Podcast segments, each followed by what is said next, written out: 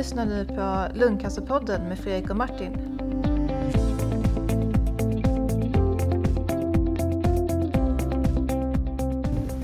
Hej och välkomna till Lungcancerpodden.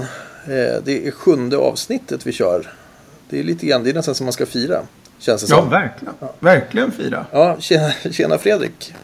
Ja, men tjena, tjena. Förra eh, avsnittet så pratade vi hygien. Eh, Och så avslutade vi med att liksom lägga in en, eh, en liten, vad säger man, cliffhanger. Att vi skulle ha en gäst med oss. Mm. Eh, Och det har ju, det har vi. Jajamensan. Idag har vi nämligen eh, eh, min fru, Caroline, med. Hej, hej! Hej. Hallå! hej. Tack för att jag fick komma med. Ja, absolut, absolut. Ja, Det känns väldigt speciellt att ha med en tredje part här. Jag, jag och Fredrik har ju liksom verkligen suttit och, och varit ostörda. Och nu har vi liksom ja. en ny dynamik. Det ska bli spännande att se vad, vad vi landar. För det, är- tanken är ju att det här ska bli liksom ett stående tema. Kanske inte bara Fredriks fru, men vi, vi får se här vilka gäster vi kan... Oj. ehm, Ja, vi hade ju några andra fruar vi funderade på också. Ja, men precis. Ja. Ja, nej men så att gäster, det här är liksom premiär för ett gästavsnitt och det ska bli superspännande att höra Caroline, din, din eh, bild av allt det här. Ja. Just det. Ja, Precis, så det vore kanske roligt om vi, eller roligt, men, men eh, att vi börjar från början på något sätt. Det ska ju inte bli någon jätteavsnitt det här heller, men, men eh, jag menar, för min del så började ju, eller för vår del så började det här i november 2013. Eller, det började ju faktiskt lite tidigare. Ehm, eh, med att eh, vi sprang Stockholm Marathon helt enkelt Precis. både jag och Caroline. Ehm, och eh, ja, vad hände där egentligen? Ja, det som hände det var att du började liksom droppa av löpträningen mer och mer efter maraton. Och eh, jag tyckte att du hade börjat bli lite lat. Och, ehm, Caroline körde ett halvmaran där också på hösten. Det hade jag redan, och, och ultra. och ultramaraton. Det hade jag redan gjort. Inte ultra, men halvmaran. Så att det hade jag liksom redan prickat av mitt protokoll. Då. Men, Men du hade biljett till att springa. Ja, ja, och du körde ju på hårt. Och, och jag som har varit så här äh, sjukt äh, fascinerad av, av dig Fredrik och din träningsiver. Och det här, det här toppas den. Caroline. Ja. Men nu minns jag en gång att jag tvingade med Fredrik till gymmet i alla fall och sa han att det känns jäkligt jobbigt att springa och stannade helt plötsligt i ett löpband liksom. Och sa att det var som någonting läckte. Att det känns som att någonting liksom rann till i, i bröstet. Det lät ju jävligt läskigt liksom. Ja, just det. Jag kunde känna liksom, Ja. precis som om svett rinner så där på sidan på en. Så kunde jag känna liksom att det, det var nästan som svett som rann inuti eh, i ena sidan på lungan av en. Det var verkligen lattjo. Och eh, men så, där, det var väl just där, precis där den tidpunkten också du sa att du liksom började bli flåsig när du gick upp för trappor och så det slutade med att vi, vi gick iväg till den där husläkaren då, och den historien har ni ju hört. Men eh, så då skulle jag faktiskt bli inlagd på sjukhuset blev det till slut. Eh, I en vecka. Så jag gick och köpte mockasiner och necessärer och tänkte nu ska jag ha det lite mysigt på sjukhuset för det här är ju ingen fara liksom. Eh, men vi åkte dit och det kändes ju jättebra liksom. De var så trevliga och allting. Och så helt plötsligt blev Fredrik ivägrullad på en bår. Och eh, det var ingen som pratade med mig om, om, vad- om vad som skulle hända eller någonting. Och då började jag känna liksom att det här var lite mer än vad jag trodde på något sätt. Att det är inte bara ett studiebesök utan nu försvann han. Um, och när Fredrik kommer tillbaka upp på rummet då är det liksom um, sjukhuspersonalen med han upp och eh, han är medtagen och eh, inte riktigt vaken. Och jag ser liksom en slang som sticker ut från kroppen på honom. Och ja, jag blev väldigt, väldigt tagen och kände liksom att jag tappade liksom fotfästet på golvet ett tag där. Men, i- för, förlåt att jag avbryter Karo, men, men hur mycket, du, du var fortfarande på studiebesök liksom? Det var Ja, ingenting precis. som... Eh, alltså liksom att eh, det svaret som sen skulle komma, det fanns inte någonstans i dina... Nej, absolut inte. Jag, jag tror liksom att det var löpningen som hade gjort att han hade fått kollapsad lunga eller ja, Du hade knäckt honom. Ja, precis. Att det var mitt fel. Men ehm, och jag hade inte fått höra heller liksom vad det här skulle innebära med, egentligen med ingreppet och hur det skulle vara när han kom tillbaka eller liksom ingenting. Men då sa läkaren till mig att eh, nu får du gå hem liksom, för nu kommer Fredrik behöva sova och eh, sådär. Så jag fick ju säga hej till honom där och han var knappt medveten. Så jag, det var tungt att lämna honom på sjukhuset. Mm. Ehm, Ja, det var ju den här toraskopin då. Man, eh, drog ett hål mellan revbenen och sen så tog lite vävnadsprover och sen att jag fick en slang i som Precis. skulle dränera över tid då, som, som jag hade varit på. Precis. Men då började jag känna att det var något, jag vet inte, jag fick någon aning i kroppen att det var, jag vet inte, det känns obehagligt bara. Mm. En in- intuitionskänsla att det var någonting. Men sen så där fick jag in ett par dagar och vi, jag gick alltså på varje dag och föräldrar och kompisar och liksom, men eh, det var läskigt att besöka ett sjukhus överhuvudtaget. Jag har aldrig varit på sjukhus innan. Och se sin man ligga i en, i en säng fast i väggen med en slang. Och jag märkte på honom att han blev svagare och svagare. Och, ja. Det är så också så konstigt att lämna sjukhuset och komma ut och att världen ser ut som den gjorde innan. Mm. När någon ligger på sjukhus. Att det är så här, folk skrattar och mm, trafiksignalerna blinkar fortfarande. Allting är som vanligt utanför men på sjukhuset är det en helt annan värld. Men men dagarna gick och sen så sa Fredrik i telefon att jag ska göra en bronkoskopi här imorgon. För de kanske ska hitta någonting egentligen. Och då blev man först glad att "Wow, nu ska vi egentligen hitta någonting. För ingenting hade visat någonting. För läkarna sa att ja, men blodet syns inte heller någonting. Så jag tänkte, ja, men syns inte någonting på blodet, då är det inte cancer, tänkte jag. För cancer, det måste synas på blodet. Så då andas jag ut att, uff vad skönt, då var det inget allvarligt. Men eh, jag googlade på bron- bron- bronkoskopi den här kvällen och eh, det skulle jag inte ha gjort. För då började jag förstå vad det var de letade efter. Okej. Och ehm, dagen efter så ringer Fredrik mig vid klockan 12 på dagen. Och jag hör med en gång att det är någonting. Och han säger att de hittar någonting i min lunga. Så han bara, ja det är ingenting bra. Ehm, så jag tror att han bara sa hastigt att det var cancer. Men liksom, det var framförallt att det inte var någonting bra han sa hela tiden. Ehm, Ja, det var väldigt hela det här. ja, det var liksom lite, inte oklart men att just att du inte ville säga ordet cancer också var Nej. Hade du fått den informationen då, Fredrik? Eller? Jag hade ju fått den informationen. Jag, Ja, det, det var då du hade träffat den Det här... var lungcancer och Ja, jag just kan det, inte just det. bota dig. Just det, och, och man planerade då det här gemensamma mötet. Nej, det hade man inte börjat göra än. Okej. Utan nu hade man liksom bara lämnat mig eh, ensam där. Okej. ensam där och Ja, liksom det. ringa och sådär. Och, och, Ja. Och, men jag, jag, jag vet inte, jag, jag kommer inte ihåg det där liksom jättebra samtalet med Caroline. Nej. Men det... eh, Man tar inte det där ordet så lätt i sin mun. Nej. Nej. Liksom, och lungcancer. eh, Och, Därför det känns helt overkligt. Ja. Nej, Jag och- och- tänkte, Förlåt att jag Nej, det är ingen avbryter, men, men, Nej men det, det är ju så. Det är ju så fruktansvärt laddat det där ordet. Och Det är Mm. ju samma sak när man sitter på mottagningar som läkare. Där är ju ett problem som vi brottas med. Att, att man kan ibland nästan inte få ur sig ordet cancer. Liksom. Att, för det är så laddat och man ser skräcken så mycket också. Där, där tror jag också att där måste man ju samtidigt vara ärlig och faktiskt säga vad det är, man, vad det är vi pratar om. För, för det är det vi kommer få göra. Alltså, förr eller senare så kommer det vara jävligt uppenbart liksom, vad, vi, vad vi har att göra med.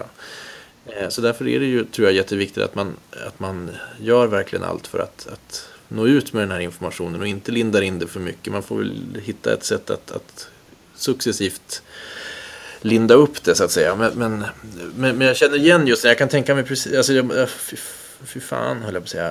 Eh, vilken, eh, att, att behöva ha det samtalet med, med sin närmaste. Liksom, det är ju...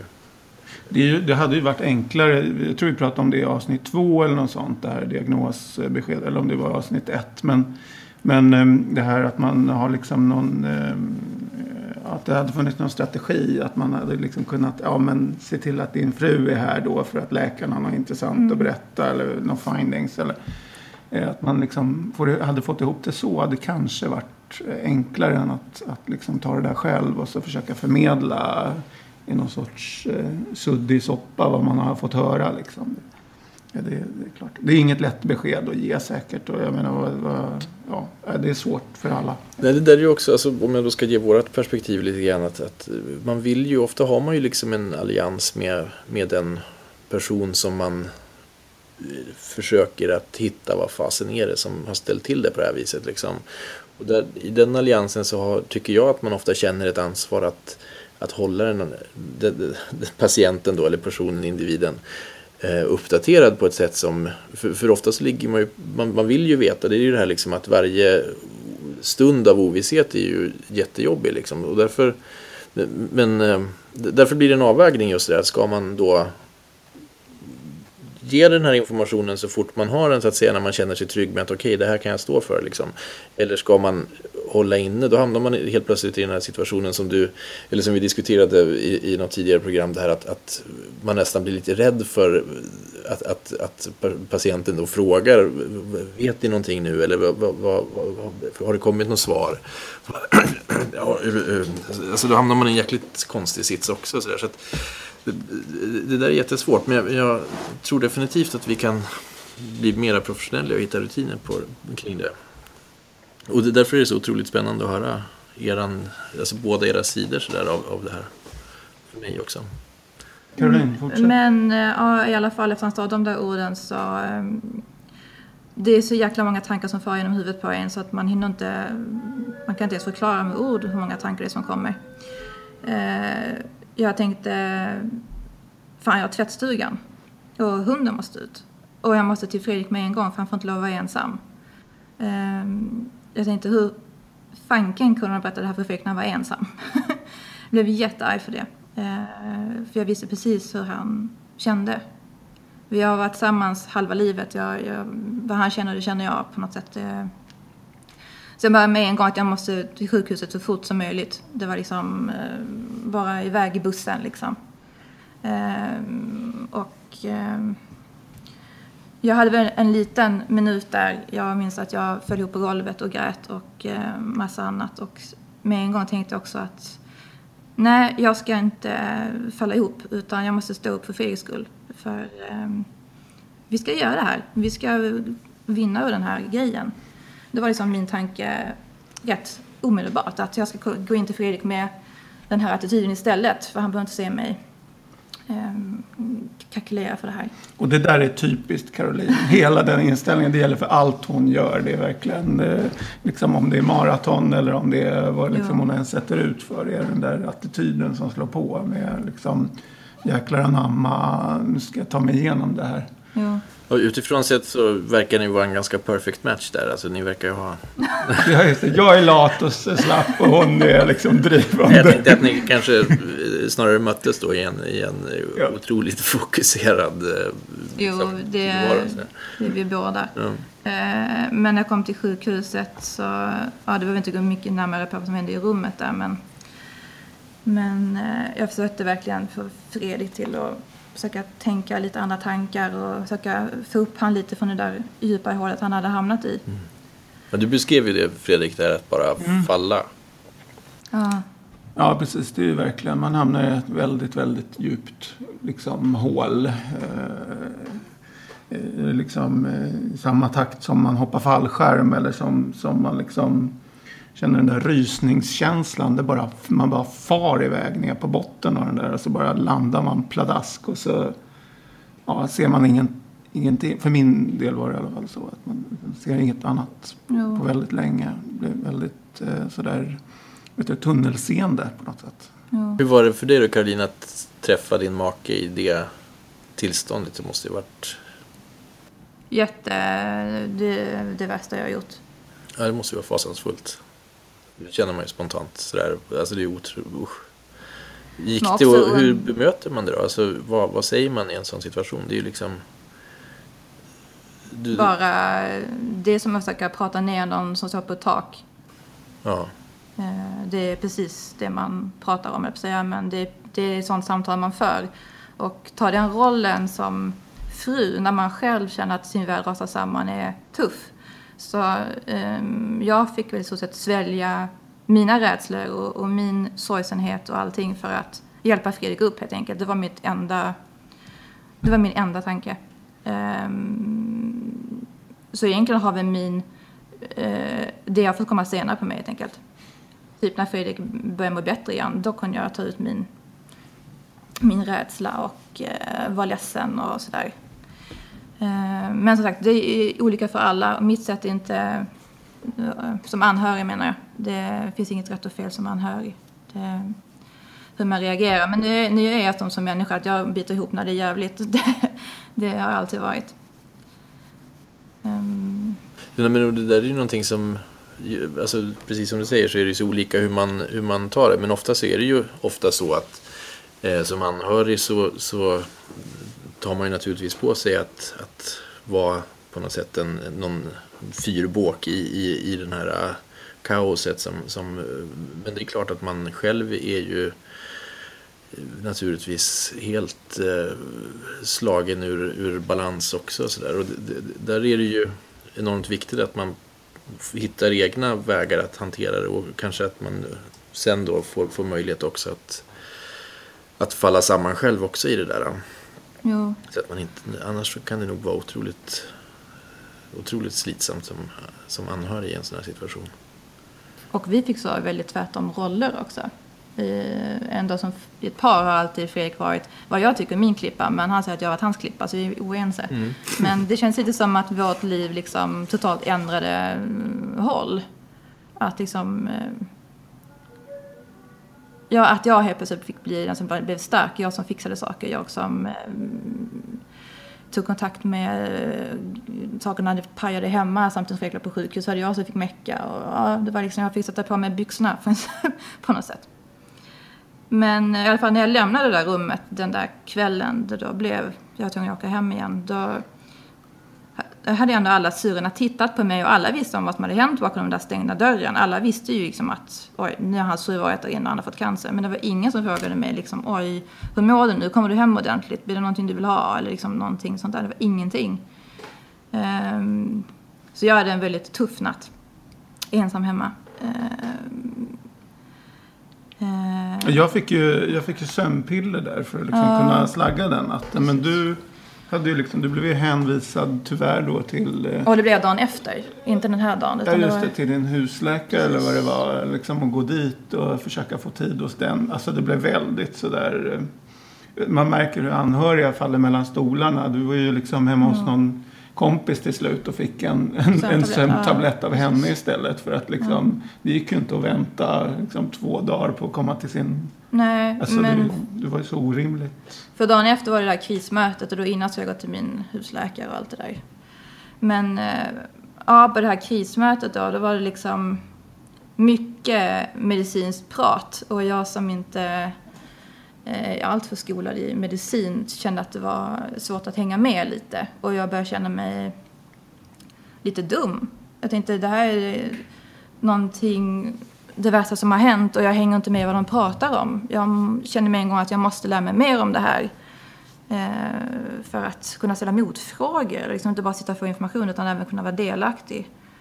Eh, och jag minns att det satt en kurator på det där mötet och hon satt och tittade medlidande på mig och henne tyckte, ja det blev jag förbannad över. Det vill säga jag reagerade på det. Eh, jag frågade om inte jag kunde bara få ge min lunga till Fredrik. Det får jag fortfarande inte, men det finns medicinska skäl till att jag inte får. Men, um, att jag då bara fick en klapp på benet och så blev jag arg. Att, ja, men jag menar det verkligen. Jag kan ge honom min lunga så kan vi bli av med det här. Liksom gå härifrån.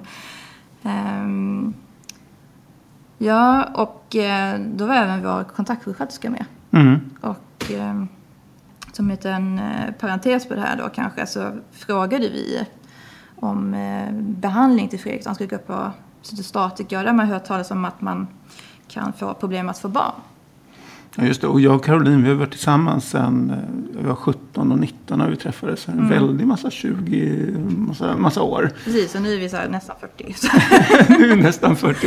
Så vi hade precis startat barnalådan ja, där precis. innan kan man säga. Ja. Efter maran och det, liksom hela det där. Ehm, och vi ville inte gå miste om det livet. Nej. Ehm, så att, eh, det blir ännu viktigare nu också när man insåg att livet är fragilt. Att man inte kan hålla på och skjuta upp saker och ting framför sig hela tiden utan att det plötsligt händer det saker. Och, eh, men då sa i alla fall kontaktsjuksköterskan till oss att han kunde åka till eh, Huddinge sjukhus. Och eh, ja, frysa ner lite pojkar. Frysa ner lite killar. Men ja, ett tips från mig kanske, om vi ska säga det, det är att ja, kanske även att åka iväg och lämna lite privat. Så att man inte bara har det i landstingets regi. Ja, det, eh, det är, tror jag är bra. Alltså, jag vet inte, jag hänger inte riktigt med där. Alltså, Jo, eh, så här, om man, om man fryser in pojkar eh, som kille eller som tjej antar jag när man fryser in ägg. Eh, då, om, om man gör det där i, i landstingets regi så att säga, i landstingets frysar. Eh, då har landstinget eh, liksom, eh, mandat att bestämma när de där får användas då, på något vis. Och det, det kan därför vara bra för den som är i den här situationen att göra det här privat. Att gå att frysa ner privat istället. För att då har man ett större liksom, spelutrymme. ehm, än att eh, liksom, behöva eh, lägga hela sin framtid på landstinget. Okej. Eller, Det, det, jag anar att det finns en, någon, eh, alltså att det i princip blir en bedömningsprocess när man vill ha ut det där och beroende lite grann på hur det ser Absolut. ut då, så kan Absolut, man det är det möjligen bli nekad. Det är liksom inte så att man har fritt fram. Det är inte, nej precis, det är, det är, det är, vi här är fortfarande i Sverige och det, det finns väldigt många papper som ska liksom signeras hit och dit och många som ska tycka om andras eh, eh liv. Och vi står i, idag i ett samhälle där, där ensamstående kvinnor får insemineras till exempel med eh, sperma från någon de inte känner. Eh, eh, Men det är fortfarande svårt att liksom få till det rent praktiskt. Eh, Det finns liksom i någon sorts lagförslag och det liksom avhandlas eh, eh fram och tillbaka. Men, men eh, sen när det liksom går till eh, praktikaliteter då, då, eh, eh, då finns det inte där. Nej. Så att, eh, ja, det, det, det, där är, det där är nog ett, nästan ett helt avsnitt för sig Ja, själv det faktiskt. Det helt kanske vi skulle story. diskutera någon gång. Alltså, man kan väl säga som så här, det, tack och lov eller vad man ska säga så är det ju sällan som det här berör eh, lungcancerpatienter just eftersom eh, snittåldern är så pass mycket högre. Och de, nu finns det ju karlar som, som eh, kanske ämnar skaffa barn även i högre ålder. Men, men eh, det kanske inte är lika desperat i alla fall och det kanske inte är första prio liksom, i, i den situationen. Men, men eh, just som, som i den situationen som ni befann er, där ni ju var i den processen. Och, eh, då, då är det ju oerhört viktigt naturligtvis. Och, och där finns det ju andra tumörgrupper som drabbar män, män tidigare och kvinnor också då så, såklart. Tidig, I tidigare åldrar. Och det, det kanske är någonting vi skulle ha som ett tema. För jag menar, det, det är ju de facto så att, att det finns en hel del yngre lungcancerpatienter också. Även om de inte är majoritet. Men, men det är ju klart att vi ska dra upp den typen av... En- vanligare cancerform kanske, som man liksom hade tippat på att man, om man nu skulle få någonting, det hade ju kanske varit eh, eh, skrevet eller liksom testikelcancer. Eh, men men eh, det hade ju antagligen, jag menar, eh, med barn och sådär, då är det ju samma resa man måste göra där. Det där spelar ingen roll att det liksom var lung eh, hit eller dit. Utan, Ja, men nej, det- så att, eh, Vi får ta in någon expert vid något tid, senare tillfälle och diskutera frågan. Ehm, ja, men, men det var, Karo, din, din liksom, förutom att du ville donera lungan så att säga, så var det det som Mm. slog dig i det här mötet. Ja, jag hade en lapp med mig med en fråga och det var, det var, det var den frågan Ja, okej. jag hade just då. Och donera lungan såklart. Men, Men och hur, liksom det här medicinska då, som ju blir mycket våran, våran eh, eh, fokus från, från vården eftersom vi då känner att vi behöver eh, dela med oss av vad vi vet och vi behöver eh, någonstans informera och, och utbilda också så att man kan börja ta beslut utifrån den situation man har hamnat i. Det upplevde du, det, det gick inte in i den här situationen eller det gick inte att ta in eller det var för komplext? det var, eller? Just i den situation man var i då var det för komplext Mm. eh, för mig. Ehm, men samtidigt så behövs det, för sen så drog ju behandlingen igång. Och då hade jag ändå lite, lite i bakhuvudet det som hade sagts på mötet. Så det, det är både och, känner jag, det mötet. Ehm, men kanske att man kan ta ner det ett hack. Liksom. mm. Ehm, det blev väldigt mycket om mutationer. Väldigt mycket med en gång liksom om eh, proteinvikning och eh, massa Och jag förstår det, sådär. det blir ju som något av våra föregående program här. Att det blir väldigt mycket förkortningar och, och tumörtyper och, och allt vad det kan vara. Jo, Det är klart att att vara i total chock och dessutom inte på något sätt vara tidigare involverad i, i eh, området så att säga. Det, det, måste ju vara enormt svårt att, att ta in där. Det, det, kan vara svårt för oss i, i vården tror jag att förstå hur svårt det är. Även om vi brukar säga att vi, vi förstår det så, så är det nog betydligt svårare än vad vi tror. Naturligtvis.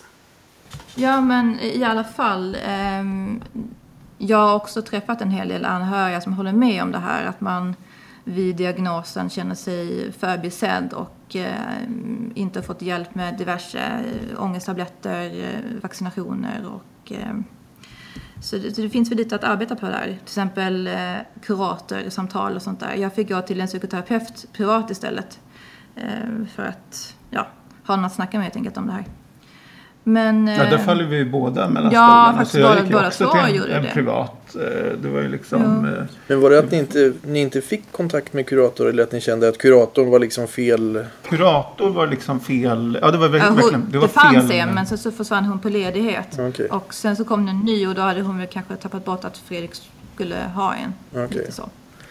Och jag fick, aldrig, jag fick aldrig något erbjudande om kurator. Men sen tror jag att det är samtalsstöd. Nu finns det säkert olika nivåer på kuratorer. Men, men mm, det var lite för liksom... Eh, ja, lite för mycket liksom vanligt samtal. Det blir inte det här man biter aldrig tag i problemet och man sitter bara och, liksom och snackar, snackar skit. Liksom. Alltså, det, blir, det är lite annorlunda på en, en kurator än en psykoterapeut. Det får man nog faktiskt eh, säga. I alla fall eh, min erfarenhet är så.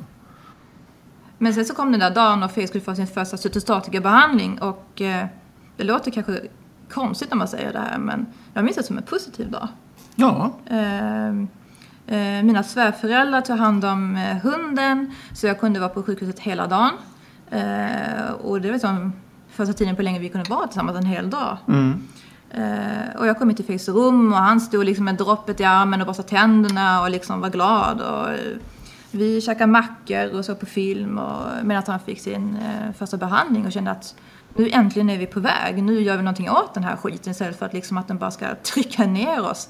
Så det, det kändes jätte... Jag minns det som en bra dag. Mm, verkligen. Eh, och det tror jag det efter... är. Eller förlåt, jag menar, så, så känner ju väldigt många. Just det här att man har kanske då haft en oro först och, och sökt vård vid tillfällen och sen så införlivas man i, i utredningsprocessen som drar ut på tiden och man väntar på svar och det finns jag menar, skräck och det finns hopp och det finns eh, ångest och, och, och sen så det vardagliga livet som ska försöka hanteras.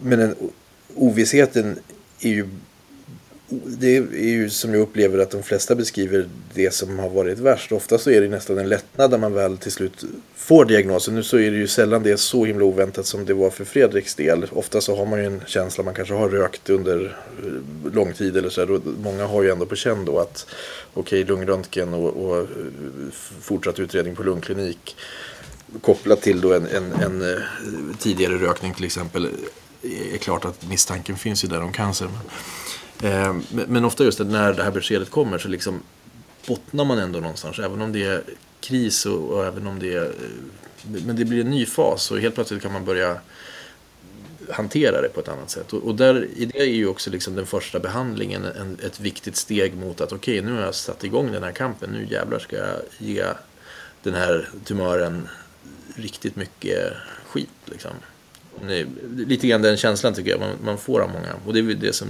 ni beskriver också tycker jag. Mm, mm. Och det är ju, jag menar, här, vi har ju aktiva behandlingar. Det är ju, vi, vi ska ju ge de där rackarns cellerna ett helvete. Det är ju liksom hela poängen. Hur gick det, men, hur gick det sen då? Liksom vad... Ja, men... Eh, och sen så fick eh, Fredrik komma hem. Äntligen. Mm. Och eh, då väg över mitt liv åt lungcancer ett tag. Eh, jag började lusläsa allting på internet. Jag googlade lungcancer och specifika mutationer och läste allt. Allt, allt, allt jag kunde hitta. Ehm, och eh, studier, mediciner. Jag läste på forum om hur folk hade gjort och eh, alternativa behandlingar, dieter, veganism.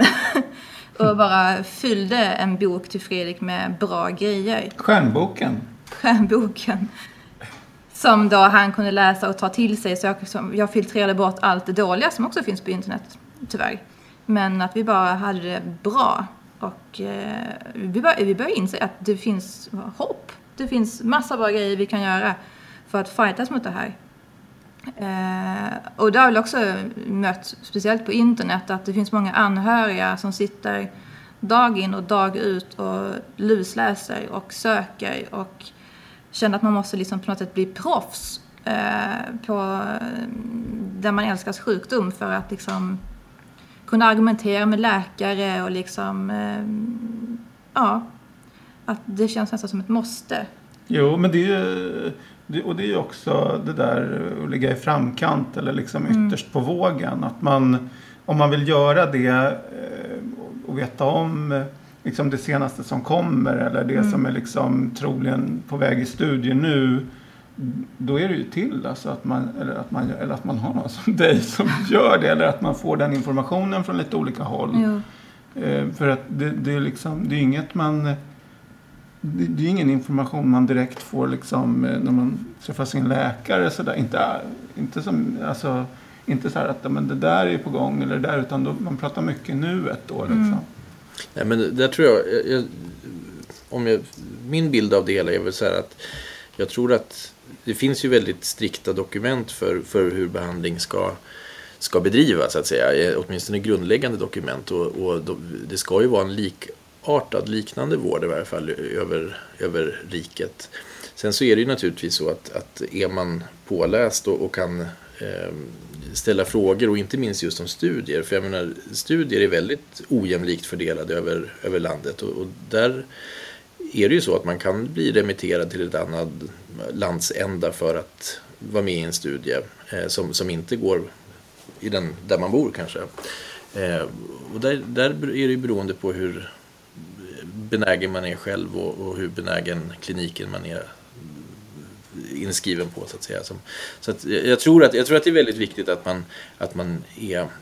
Jag tror man kan känna sig trygg med att lämna väldigt mycket av ansvaret till vården för att vi, vi gör verkligen allting för att det ska bli så bra och så rättssäkert och så kvalitativt och, och sådär som möjligt. Men, men att ställa krav, det här är ju ändå ja, men det, det, är ju ens liv som är, man sätter in här i, i potten på något sätt. Och, och, det är klart att man ska se till att, på samma sätt som man förmodligen läser fakturan från bil, bilhandlaren eller vad, vad det kan vara, mekanikern. Så kollar man igenom det här också. Har, har verkligen all, alla steg gått rätt? Liksom, sådär. Det, det, det, det, skulle jag göra naturligtvis, för det är så viktigt. Ehm, och som sagt, jag hoppas att vi, vi eh, lever upp till det. Men, men, samtidigt ska man väl också säga att jag menar, det, det finns alltid risker att vissa saker missas i ett stort och komplext system. Och, och där behövs det så många ögon som möjligt. Så det är bra om man är aktiv som, som patient också tycker jag. Så, så att, ja. Och, och, sen så tror jag att det är väldigt, just det, det du beskriver är ju att du hittar hopp också. Och hoppet är ju i sig en, en viktig faktor för att orka kämpa. Eh, ser man att det är på gång ett läkemedel som kanske kommer en studie eller att, att det är på väg att registreras och sådär. Det, det, är ju i sig någonting som man kan se att okej, okay, nu så ska vi kämpa fram dit så har vi det sen liksom som ytterligare en brygga till fortsatt, fortsatt bra effekt på, på tumören och sådär. Nej men eh, just det, vi ändrade vår livsstil en hel del med eh, dietförändringar och sånt där men även hur vi lever. Att vi börjat leva varje dag. Det låter som en skröna, men man gör det. Mm. Eh, och, eh, hoppade fallskärm och åkte på mycket resor och eh, snällare mot varandra. Mm. Man, eh, man, man, ser det fina i en trist tisdagskväll. Eh, det, det, är härligt att ha dem också tillsammans. Eh, men det är så här, avslutningsvis är det liksom att jag hatar cancer att just att du har tagit bort det här oskuldsfulla tanken alla har att det är du och jag för evigt. Att det finns ingenting som kan... Ja, man tror att man ska liksom leva tillsammans tills man är 90. Man tar det så för givet att man blir gammal. Mm. På något konstigt sätt. Och vi pratar aldrig om döden i stort sett hemma eller i Sverige överhuvudtaget längre. Men... Eh, och det händer aldrig oss, eller hur? nej, det händer liksom, inte oss. Så... Men just det här att vi cancern finns och vi lever med den och, och då samtidigt med ett hot om döden. Men att vi även tar på våra liv tillsammans. Eh, och vi kommer alltid ha vår evighet tillsammans. Oavsett hur lång den blir så är det, så är det vår. Mm. Alltså, nu så... Ja, det är svårt att, att toppa den egentliga avslutningen med någonting. Men jag tänkte bara lägga in, jag tycker vi fortsätter lite till här, även om det har gått ungefär en halvtimme. Bara för att det, det, det är så oerhört eh, häftigt det, det du säger. Eh, och jag beskrev det här för en, en eh, kompis som jag satt och pratade med häromdagen eh, efter att ha pratat med Fredrik just. För att Eh, han frågade hur läget var med mig och jag började klaga som fan direkt. Och så här, jag ont i huvudet, jag känner mig lite döende. så bara, nej, det där var ju opassande att säga. Liksom. Eh, men, men, det gör man ju. Liksom, jag går omkring här och känner att nu är det säkert någonting som växer någonstans. Liksom, jäkla skit också. Och så mm. går jag omkring och känner mig missnöjd med att jag är trött. Och, och, och liksom, så, så mitt naturliga svar till Fredrik var att nej, men jag, jag mår ganska pyton. Och så, hur är läget med dig förresten? Ja, skitbra. och då, då någonstans så blir man ju så här, ja, fan, det är ju så, så det ska vara. Eh, och det är ju egentligen skitbra. Vi lever och vi, vi har våra barn och vi har våra liv och kompisar och allt vad det är. Och, eh, se, att se det där, det är ju så himla viktigt och det är man ju så jädra dålig på, tyvärr. Och, och ofta så verkar det som att det behövs någon riktig jäkla väckarklocka och tyvärr så verkar det som att alla gör samma misstag. Liksom. Det är ju jättemånga som säger det just när de har fått en sån här väckarklocka. Att varför i hela fridens dagar såg man inte det här tidigare för?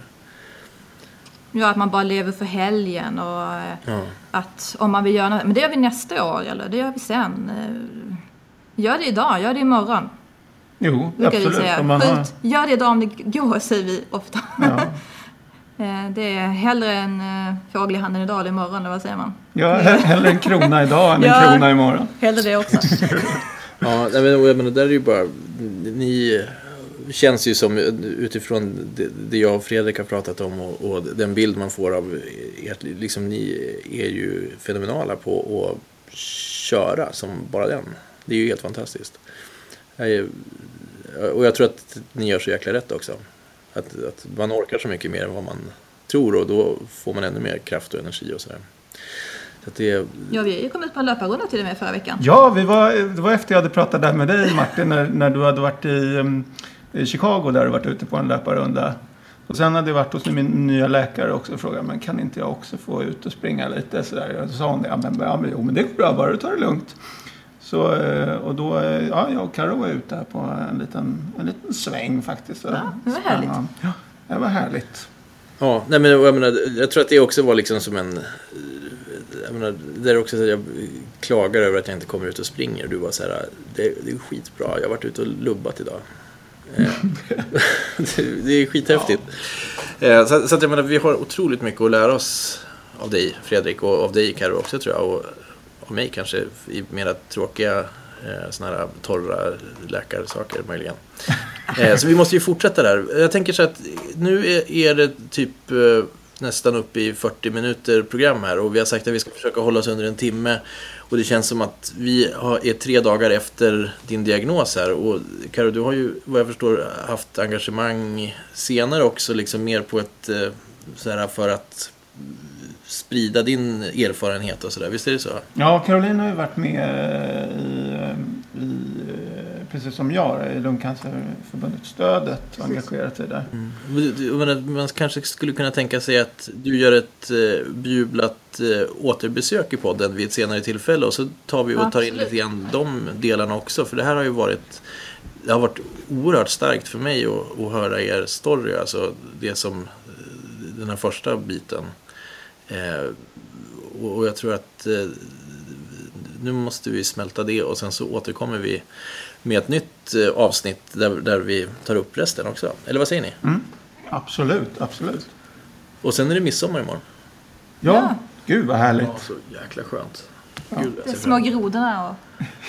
ja, lagoma doser små grodor och så eh, sill ser jag fram emot. Det ska bli gott. Ja, ja men det kan man ju försöka. Ja, för, inte för det då kanske, men, men, har ni någon form av vegansill? Vi har, vi har en, ja det finns faktiskt vegansill som är, det är aubergine som är smart eh, inlagd kan man säga. Och det smakar väldigt, väldigt likt. Gör det? Okej. Den har slemmiga konsistenser. Ja. Han har lyckats få fram den. Det är ju fantastiskt. Aubergine är ju lite slemmigt i sig sådär, så att om man inte typ torkar upp den på något sätt. Ja, Jaha, okej. Ja, men jag önskar er all eh, god lycka med, med auberginesillen och eh, själv så sätter jag mig och gnager på en slemmig senapssill istället. ja, härligt. Ja, det låter gott. Du, trevlig midsommar. Tack detsamma och så hörs vi. Ja, det gör vi. Hej. Hej! Tack för att du lyssnade på Lungcancerpodden med Fredrik och Martin. De senaste avsnitten hittar du alltid på lungcancerpodden.se eller i din podcastapp.